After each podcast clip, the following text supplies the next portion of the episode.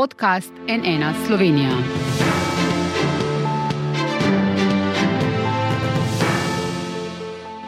Dobrodan, to je NN studio. Ob letošnjem 8. marcu, Mednarodnem dnevu žensk, organizacije opozarjajo zlasti na nasilje nad ženskami. V Sloveniji je bilo lani 13 femicidov. Združeni narodi so kot osrednjo temo letošnjega dneva žensk izbrali digitalizacijo. Univerza v Kaliforniji pa je objavila rezultate študije, s katero ugotavlja, kaj je krivo za to, da ženske v 15 analiziranih državah zaslužijo manj kot moški.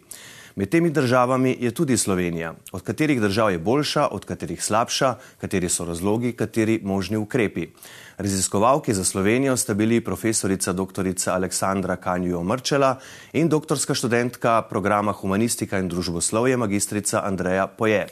Profesorica Kanja Omrčela pa je zdaj z nami v studiu. Dobro dan, dobrodošli na NN. Dobar dan. Gospa profesorica, osnovna ugotovitev te študije, ki je bila objavljena v znanstveni reviji Nature Human Behavior, je, kljub napredku na področju enakosti spolov, ženske tudi v naprednih družbah še vedno zaslužijo manj kot moški. Kaj so torej glavni razlogi, da je bilo med letoma 2005 in 2015 še vedno tako? Torej, razloge so zelo kompleksne in se dotikajo tega, kar uh, počnemo mi sami, ko izbiramo službe, posamezniki in posameznice, in tudi kar, kar počnejo uh, delodajalci.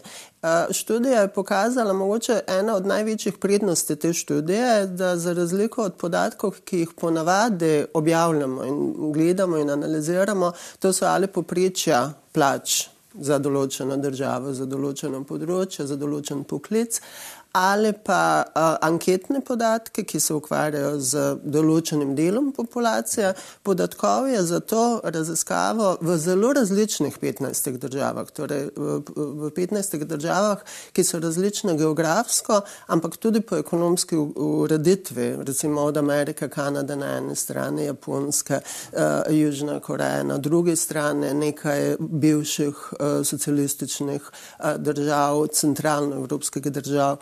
Eh, držav, kot so Španija in Francija, torej zelo različna populacija držav. V teh državah pa smo gledali podatkovje, ki se prekrivajo podatki od delodajalcev in od zaposlenih in gledali smo njihove dohodke ljudi, ki delajo na istih delovnih mestih pri istih delodajalcih. Uh mhm. -huh. Torej, vi ste primerjali, ne vem, eno uslužbenko na okencu v eni od bank slovenskih z moškim, ki je na popolnoma enakem delovnem mestu. Uh mhm. -huh. In tukaj ugotavljamo velike razlike. Uh mhm. Kaj je zanimivo, uh, uh, dosedanje raziskave so pokazale nekaj, kar je samo po sebi slabo, da so moški in ženska locirani v uh, različne poklice, v različne panoge, recimo primer tega je zdravstvo ali njega, ki so različno plačane in da so feminizirani poklice, feminizirane panoge, slabše plačane. In zdaj,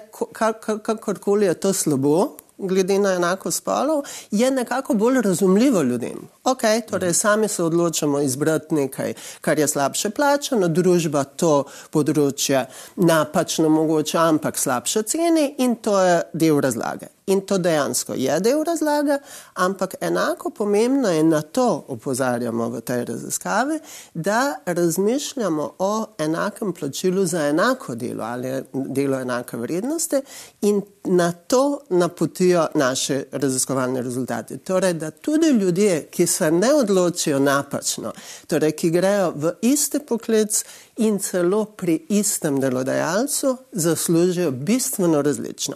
Razumete, torej, to je en res tako pomemben rezultat, da ga objavi Nature Human Behavior.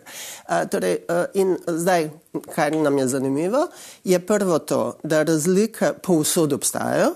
Torej, vse države, vseh 15 držav, torej, stvar je univerzalna, Po drugi strani pa so bistvene razlike med državami, kar napoti na razmišljanje, da z različnimi politikami, z različnimi ukrepi se da na različne načine vplivati mm. na to razliko. Ja, v ukrepih bova eh, morda bolj proti koncu, ampak kje je tu Slovenija v primerjavi z drugimi državami? Kdo je pred nami, ja. kdo je eh, za nami, kaj so mogoče specifike tako. posameznih držav, najbolj pa seveda Slovenije? Dobro, eh, Slovenija ni več tako dobra, kot je včasih bila. Mi smo bili znani nastane potem, da smo v Sloveniji imeli eno najmanjših razlik v plačah, sicer gledano v poprečju. Pri tem smo še vedno relativno dobri, ne več najboljši v Evropi, kar smo včasih bili in to je treba misliti o tem, zakaj se je to zgodilo. Torej, takim raziskavam vedno morajo slediti raziskave kvalitativno, da vidimo, kje so prave vzroke.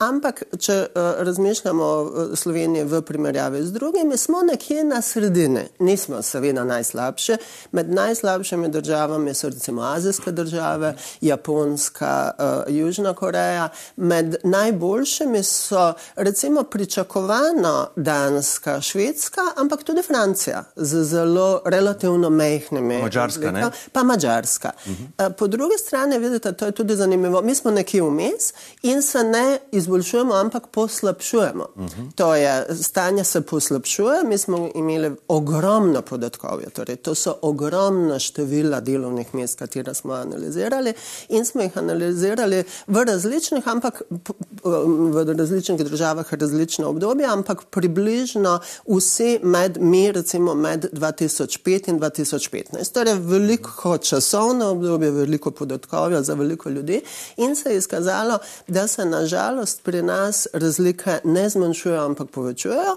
kar je še zanimivo, da tudi države, ki so prej imele zelo podobne sisteme, recimo iz tega bivšega vzhodnega bloka imamo Češko, imamo Slovenijo in imamo Mačarsko in so razlike med temi državami zelo opazne. Recimo Češka je ena od najslabših, mi smo nekje vmes, Mačarska je relativno dobra. -huh. Ampak zakaj pa so se po vaše te razlike v teh desetih letih obravnavanih povečale? Kaj so razlogi? Glejte, zdaj lahko govorimo o hipotezah, uh -huh. ker uh, raziskovanje poteka. Moram reči, da tudi na fakulteti za družbene vede smo pravkar začeli z enim raziskovalnim projektom, o katerem mogoče nekaj kasneje nekaj rečemo. Torej, uh, gre za kvalitativno raziskovanje, ampak to, kar vidimo, je, da se z spremembo sistema, mogoče z spremembo optika, v spremembo tega, kaj celo ljudje mislijo o tem, kakšne so razlike, kako nastajajo, tudi spremenja, spremenja dinamika sprememb uh, in velikosti v plačah. Mm. Kot rečeno na začetku, zagotovo nekaj je v tem, kaj iščejo delodajalci. In mi moramo pogledati, kaj se je zgodilo in mi vemo. Ne, vemo, katera skupina žensk so odhajale v tem obdobju iz trga delovne sile, vemo, kdo se je upokojeval. Ena od naših hipotez je ta, da so se z upokojevanjem dobro plačanih žensk in z prekarizacijo dela mlajših generacij žensk zgodila velika razlika. Uh -huh. torej, in da smo se izenačili nekako na začetku z moškimi v procesu prekarizacije ampak da je to v naslednji fazi, ko smo imeli ženske, ki so enako prekarne, mogoče na trgu delovne sile, ampak so zaradi družbenih pričakovanj preobremenjene z gospodinskimi obveznostmi, z uh, skrbstvenimi obveznostmi in tako naprej, za delodajalce postale manj zanimiva delovna sila, bolj uh, tvegana delovna sila. Torej, iščemo odgovore, pravim, v, tej, uh, v tem odnosu med delodajalci, ki veste, niso grdi in diskriminirajo ženske vedno namenoma. Ampak ampak reagirajo na stanje v ekonomiji uh -huh. in uh, s, uh, balansirajo med tem, da iščejo zase najboljši položaj in tem, kaj družba od njih pričakuje. Tudi družba pričakuje od delodajalcev, da se obnašajo seveda profitabilno, da so uspešni, ampak v različnih okoljih različno od njih pričakuje nediskriminatorna politika do žensk ali drugih manjšin v družbi in na to tukaj v tem balansu eh, eh, delodajalce opravljajo izbiro svojih zaposlenih. In to vam pojasne, zakaj recimo enako in zelo dobra, eh, enako uspešno in zelo dobro gospodarstvo, kot je kanadsko, ima zelo velike razlike. V primerjavi mogoče z vem, mačarskem, ki nima teh razlik. In ali so razlike vedno, veste, povezane s tem, kaj prinese več dobička uh, podjetjem. In po drugi strani, to je en del zgodbe, drugi zelo pomemben del zgodbe je, kaj počnemo mi kot posamezniki in posameznica. Ne? Kaj uh, ti je dovoljeno početi, kaj so tvoje izbire in izbire. Torej, koliko v določenem okolju so ženske in moški da se razumemo, in moški. Torej, mi ne govorimo, ko govorimo o enakosti spolov, ko govorimo o želji po zmanjšanju plačnih razlik. Problem niso niti slučajno samo plače žensk, katero so nižje. Mi se moramo vprašati, in to je eno ključnih vprašanj, zakaj moški morajo zaslužiti več? Zakaj je za moškega bolj normalno, da v družini prenese več? Ali je to, veste, ta pričakovanja tudi formirajo na obeh stranih? Pri delodajalcih in pri teh, ki iščejo službe, obnašanja in prispevajo k plačni razliki. Ampak kako si potem razlagate to nizko razliko, mislim, da je deset odstotna na mačarskem, ne? ki velja za in tudi tako vlado ima že kar nekaj let za bolj tradicionalno Točno. državo, kjer se zelo podarjajo te družinske vrednote in se verjetno še, bolj, še več teh stereotipov nekako usadi. Točno, uh, ker ne gre samo za to, aha. ker je zelo kompleksno, ker moramo vedeti, vedeti kakšen je položaj na trgu dela delovne sile, kakšen je sploh razpon plač. Veste, vi v določenih okoljih imate majhne uh, um, ekonomske razlike med moškimi in ženskami, ker so nasploh majhne razlike, mm -hmm. ker je razpon plač zelo uh, uh, uh, majhen, uh, zelo uh, ozek. Torej, treba je misliti vse naenkrat, kar je zelo kompleksno. In uh, ustrezno tudi odgovoriti s politikami.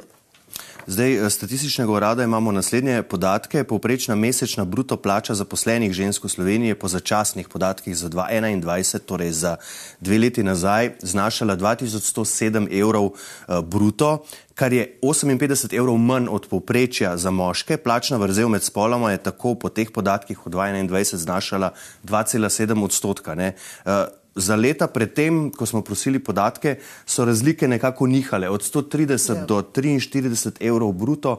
Eh, nekaj let je naraščalo, pa nekaj let spet padalo, ni bilo eh, nekega pravila. Zakaj ta razlika pa v primerjavi z izsledki vaše študije, nekaj ste že na začetku rekli, pa vendarle me zanima to.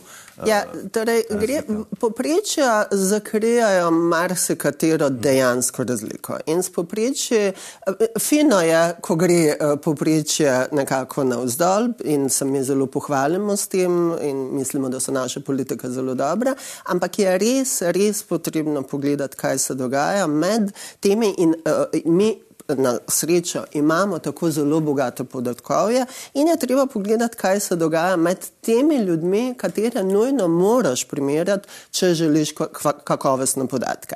Uh, jaz vam ne znam razložiti, kaj se, in ne samo jaz ne znam mhm. razložiti, zelo težko je razložljivo, kako je možno, da v nekaj, v enem desetletju recimo, smo imeli zelo velike razlike navzdol, pol pa navzgor in spet navzdol. To se je zgodilo. In mi smo v pogovorih z statističnim uradom in eh, razlage, mi smo spraševali, ali se je zgodilo nekaj z zajemom podatkov, se je zgodilo. Eh, razlage so vedno, da gre za razlike, ki niso samo med spoloma, ampak so razlike, na katere vplivajo načine zaposlovanja, eh, število žensk in moških na trgu delovne sile, njihova izobrazba, njihova starost. Torej, vse to, ampak ko vse to upoštevate, pravim, poprečja, veste, tako kot v državnih proračunih ali bruto družbenem proizvodu, poprečje skrije marsikaj. Na, na relativno mehko, to vemo, na mehko razliko med plačami v poprečju v Sloveniji, zagotovo, to zagotovo vemo, vpliva to, da je zelo veliko žensk zaposlenih, zelo veliko jih je zaposlenih še vedno s polnim delovnim časom in zelo veliko jih je zelo dobro, celo boljše kot moški, uh, izobraženih. Torej, to so dejavniki, ki zagotovo vplivajo na to, da so razlike mehne. Ampak to se ni zgodilo v zadnjem desetletju. Torej, v tem smislu je potrebno upravljati to vrstne raziskave, kot jih upravljamo, kot je raziskava, o kateri danes govorimo, in iti v kvalitativno raziskovanje, da vidimo, kaj in zakaj, kakšne, na kakšen način bi olajšali tako moškim kot ženskam in delodajalcem, da bi te razlike res, res zmanjšali e, ali odpravili, ne več zmanjševali, ampak odpravili. Ja, Surs tudi pravi, ne, eh, kar ste v bistvu že sami nakazali, razlika v plačah med moškimi in ženskami eh, je bila najvišja v skupini poklicev za storitve, prodajalci ja. oziroma prodajalke, tam kar 21,1 odstotka in sicer v korist moških seveda, najnižja pa v skupini poklicev uradniki, uradnice, tam je znašala 1,4 odstotka celo v korist žensk. Ali ja. vaša raziskava potrjuje kaj podobnega? Uh, ja, seveda potrjuje, da so določene dele uh, trga delovne sile manj ali bolj enakopravne, enakovredne. Mi smo delali seveda ne samo primerjave med ljudmi, ki so v istem poklicu pri istem delodajalcu, ampak tudi med poklici, tudi med sektorji in se pojavijo te razlike, za katere vemo že zelo, zelo dolgo. Torej, tam, kjer so prevladojoče ženske, so razlike v plačami večje kot v poklicih, ki so recimo uravnovešene ali v poklicih, kjer so pred, dominantno moške. Tukaj absolutno igra veliko, veliko vlogo uh, izobrazba v določenem, določenem področju, uh, število moških in žensk. Vi ste imeli v, recimo v gradbeništvu dolgo časa uh, eno uh, uh, uh, večje plače žensk. Zakaj? Zaradi tega, ker edine ženske, ki so bile zaposlene v gradbeništvu, so bile pozicionirane na više, uh -huh. um, hierarhično više položaje z več izobrazbe in tako naprej. Torej, ta, tukaj se ustvarjajo poprečja. Uh -huh. In zaradi tega je zelo pomembno primerjati primerljive stvari. Ja, pomembno je v bistvu tudi dojemanje, ali imajo ženske enake možnosti kot moški. Ne? Tu je v bistvu v še eni mednarodni raziskavi za Slovenijo sodeloval inštitut Medijana in takole pravijo, in zdaj bomo to tudi videli, eh, da v Sloveniji kar 70 odstotkov žensk meni, da imajo manj priložnosti, 27 odstotkov, da enake, le en odstotek, kar je najmanj med vsemi obravnavanimi državami, pa da imajo več priložnosti od moških. In tu je Slovenija nad svetovnim in nad evropskim povprečjem. Ne? Eh, prav tako na vprašanje, ali menite, da je plača žensk v primerjavi z moškimi na vašem delovnem mestu višja, nižja ali enaka njihovi plači eh, eh, v Sloveniji, recimo, in to je najvišji odstotek. 34 odstotkov pravi, da nižja, enaka pa 42 odstotkov, le 2 odstotka pa, da je više. Vaš komentar morda tega? Ja, to je dobro, dobre podatke za Slovenijo, ker govorijo o tem, da smo relativno ozaveščeni, relativno pravim, ker še vedno, veste, če 34 odstotkov žensk ali uh, populacija. To je populacija. To je populacija, ja. misli, da so razlike v plačah v uh, škodo ženskam. Go, to govori samo, da samo ena tretjina ljudi ve resnico. De mhm. Facto pa je resnica še hujša. Je pa res, da ta relativna ozaveščenost, relativno večja ozaveščenost, kot je v primeru drugih držav, katere so tukaj prikazane, govori o tem, da politika na tem področju imajo nekoliko večjo možnost, da bodo sprejeta in pol uresničevana. To je recimo del razlage, zakaj vedno, konstantno imamo kot najboljša na tem področju enakopravnosti spolov in drugih področjih enako, enakosti spolov uh, um, skandinavske države. Ne? Ker je tam ozaveščenost o tem in želja, da moški in ženske razvijajo po, svoje potencijale ne glede na tradicionalno določene uh, uh, spolne vloge, bistveno večja. Vi ste imeli recimo leta in leta ljudem ne pojasnili, pojasnil uh, uh, podatek, da so uh, v skandinavski posebej na švedskem recimo poročali žensko več spolnega nasilja kot v določenih državah, za katere se ve, da je ve veliko spolnega nasilja. Mm. To ni bilo zaradi tega, ker je več spolnega nasilja na švedskem, ampak so ženske in moški bolj o tem ozaveščeni. Mm. Torej, pravim, ta, um, ta podatek je za Slovenijo dober, daje možnost, da ukrepamo, in da ukrepamo na način, ki bo v družbi sprejemljiv in zaradi tega uresničljiv. Zdaj, ko ste govorili že prej o feminiziranih poklicih, ne tudi vaša kolegica, profesorica z Ljubljanske fakultete za socialno delo, doktorica Darja Zaviršek, je za STA izpostavila, da poklici s prevladojočim deležem žensk v Sloveniji še vedno ostajajo feminizirani in zdaj jo bom citiral, recimo socialno delo, šolstvo ali vrtec, vse je tako kot v 19. stoletju še vedno zelo feminizirano, pravi. Kaj to po vaše pomeni, zakaj se ženske raje odločajo za takšne poklice, kar ne na zadnje, kar ste rekli, tudi povečuje potem uh, razlike med spoloma, saj so to slabše plačeni poklici. Ja, jaz sem prej opozorila, da sem pod narekovaje izbira. Torej, mm. Izbira posameznikov so v veliki meri določena s tem, kaj družba od tebe pričakuje. Če družba od tebe pričakuje, da moraš biti uh, uspešen, da moraš stremeti k višjim položajem, k dobro plačenem poklicu, pol pa narediš tudi veliko v tej smeri. Torej, uh, situacija je še slabša. Mi, uh, kolegica Završek je omenila 19. stoletje. V 19. stoletju so nažalost v poklicu recimo učiteljev bili moški in je poklic bil in cenjen in dobro plačen. Torej, z feminizacijo tega poklica od tega časa, ko je to bil en od pomembnejših mm -hmm. poklicov, uh, se je stvar zelo, zelo poslabšala, obratno pa se dogaja z poklici, ki se maskulinizirajo. Torej, moški bežite nekako in morate izbirati poklice in najdete sfere, kjer se zasluži več, kjer je moč večja, kjer je vpliv večji, ker se to od vas pričakuje. In dokler se od vas ne bo dejansko pričakovala, dokler Ženske in moški ne bodo dali možnosti moškem, da se razvijajo v skrbstvenem poklicu, da prevzamejo službe, dela, kjer lahko razvijajo tudi svojo drugo plat, recimo očetovstvo, e, skrbstveno delo in delo z otroke. Recimo. To so področja, ki so dominantno ženska, pa ne pomeni, da smo ženske po naravi boljše v teh poklicih, boljše v tem delu. Ampak to je nekako že tradicionalno pričakovano od moških in od žensk. Torej, naša izbira, še enkrat, niso izključno naša, nimamo mi tukaj toliko moči, kot si mogoče mislimo, in jih je treba umestiti v kontekst in na določen način ne spremenjati. Veste, noben se ne zauzema in se ne želimo zauzemati, da ljudi spremenjate v skladu z kakšno ideologijo. Ampak samo da ljudem pustite, da to, kar dejansko so, kjer imajo največji potencial in kjer bi tudi družbi prispevali na najboljši način, da to razvijajo in ne siliti mogoče moške, ki bi lahko več dali od sebe v kakšnem skrbstvenem poklicu, da se ukvarjajo recimo s politiko in ne siliti oziroma onemogočati ženskam, ki bi bile odlične voditeljice, odlične v računalniškem poklicu, ne jih ovirati z družbenimi pričakovanji, ki od njih pričakujejo nekaj drugega. Uh -huh. uh, in zdaj pridemo seveda do najpomembnejšega vprašanja, kaj so torej ukrepi, ki jih bo morala Slovenija sprejeti sprejeti s tem, da bodo, s tem, da bodo razlike v plačah po spolu ostale tudi v naprednih družbah, se pač ne moremo sprijazniti. Uh mhm. -huh. Kaj torej narediti? Lejte, več stvari, seveda, ker so kompleksni vzroki, tudi odzivi morajo biti in, in bodo morali biti uh, kompleksni.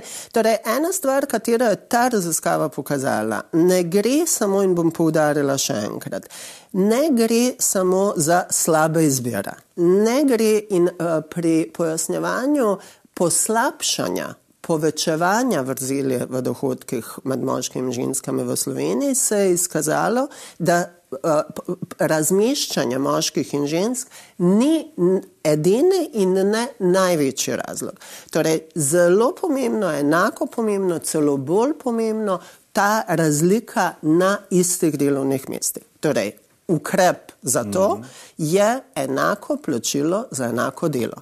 Torej, kako je možno, da v 21. stoletju mi tega še nismo dosegli, ni čudo, ker mi nimamo zakonodaje na tem področju. Mi eksplicitno, razen v ustavi, da vsako delo, da noben ne sme biti, ni razen. To, to ni mala stvar, to je zelo pomembno, ampak potrebno se specifično zakonodajo začeti ukvarjati s tem, da dosežemo to, kar se ljudem zdi samoumevno in kar je ena, oprostite, od ovir, da dosežemo dejansko enakost. 65 ljudi, odstotkov ljudi misli, da smo enako že dosegli. Mm. Kar me mogoče ali pa nas bi lahko navdajalo z upanjem, je to, da ko najmlajšim razložiš, ja. da moški in ženska, ki upravljata popolnoma enako delo z enakimi odgovornostmi, zadužitvami, premeta različno plačo, te gledajo, so presenečeni. So presenečeni in jim ni jasno, kako in kako. Tu... In rečejo, da bodo to spremenili, ko uh, bodo odrasli, ampak nažalost jih uh mhm. -huh. pol socializiramo očitno na napačen uh mhm. -huh. način In tega ne spremenijo, ker to ni nekaj, kar se je zgodilo v zadnjih desetih letih. Ja, eh, tu bi vas na koncu, ko smo ravno bila pri politikah, vladni profil na Twitterju je sinoči o podelitvi nagrad gospodarske zbornice Slovenije zapisal, da je premijer Robert Golob pred 8. marcem letošnjim eh, komisijo GZS za izbor nagrajencev pozval naj bo prihodnje leto med prejemniki nagrad tudi ženska. Prepričan je, da imamo v Sloveniji veliko uspešnih eh, podjetnic. Naj povem, da je bilo nagrajencev pet, med njimi letos ni bilo ženske eh, in je on kar pozval za to komisijo, da na naslednje leto pa mora biti. Kaj pravite na to? Veste kaj, zelo pomembno je, da med kandidaturo, da poiščete ljudi, katere kandidirate. To se je obneslo v politiki. Mi nismo prišli do zelo pomembnih položajev, do tega dejstva, da danes imamo tako veliko žensk v politiki na pomembnih položajih čez noč. Temu je prispevala kvota. Temu je prispevalo to, da smo začeli sprejemati kot dejstvo, da med enako izobraženimi moškimi in ženskami, med ljudmi, ki so enako ambiciozni, je verjetno tudi kdo, ki bi ga kandidirali. In ko smo prišli do tega, da se kandidira 40 odstotkov enega spola, pol smo prišli tudi do izbora bolj pametnih, jaz bi rekla, izbir. Torej, prišli smo do tega, jaz to vedno poudarjam. Jaz ne bi dajala prednost enemu spolu. Jaz bi rada onemogočila, da se prisili manj uh, kakovostne posameznike, ki so manj talentirani, manj sposobni za določena dela, da jih ne prisilimo, da jih ne silimo v določene slabe izbire. Mm. Torej, jaz mislim, da če res imate enako izobražene ljudi, ljudi, ki znajo, ki so sposobni, bolje pametno izbirati iz obeh bazenov, tako bi rekla. To se velja zapomniti. Upam, da je kdo na vladi, predvsem pa na ministrstvu za delo, poslušal tale naj zanimiv uh, pogovor, zagotovo pa so in to se boste strinjali, plačne razlike le delček uh, težav v muzejku nekega ideala, ki mu rečemo enake možnosti za oba spola. Hvala, profesorica dr. Kanjo Mrčela, za vaš obisk na NN. Veselje mi je bilo. Hvala vam. Hvala pa tudi vam za vašo pozornost. Vse podrobnosti v zvezi z današnjim dnem in vse, kar sledi, seveda na naši spletni strani nnainfo.si iz studija, pa le še lepo zdrav in nasvidenje.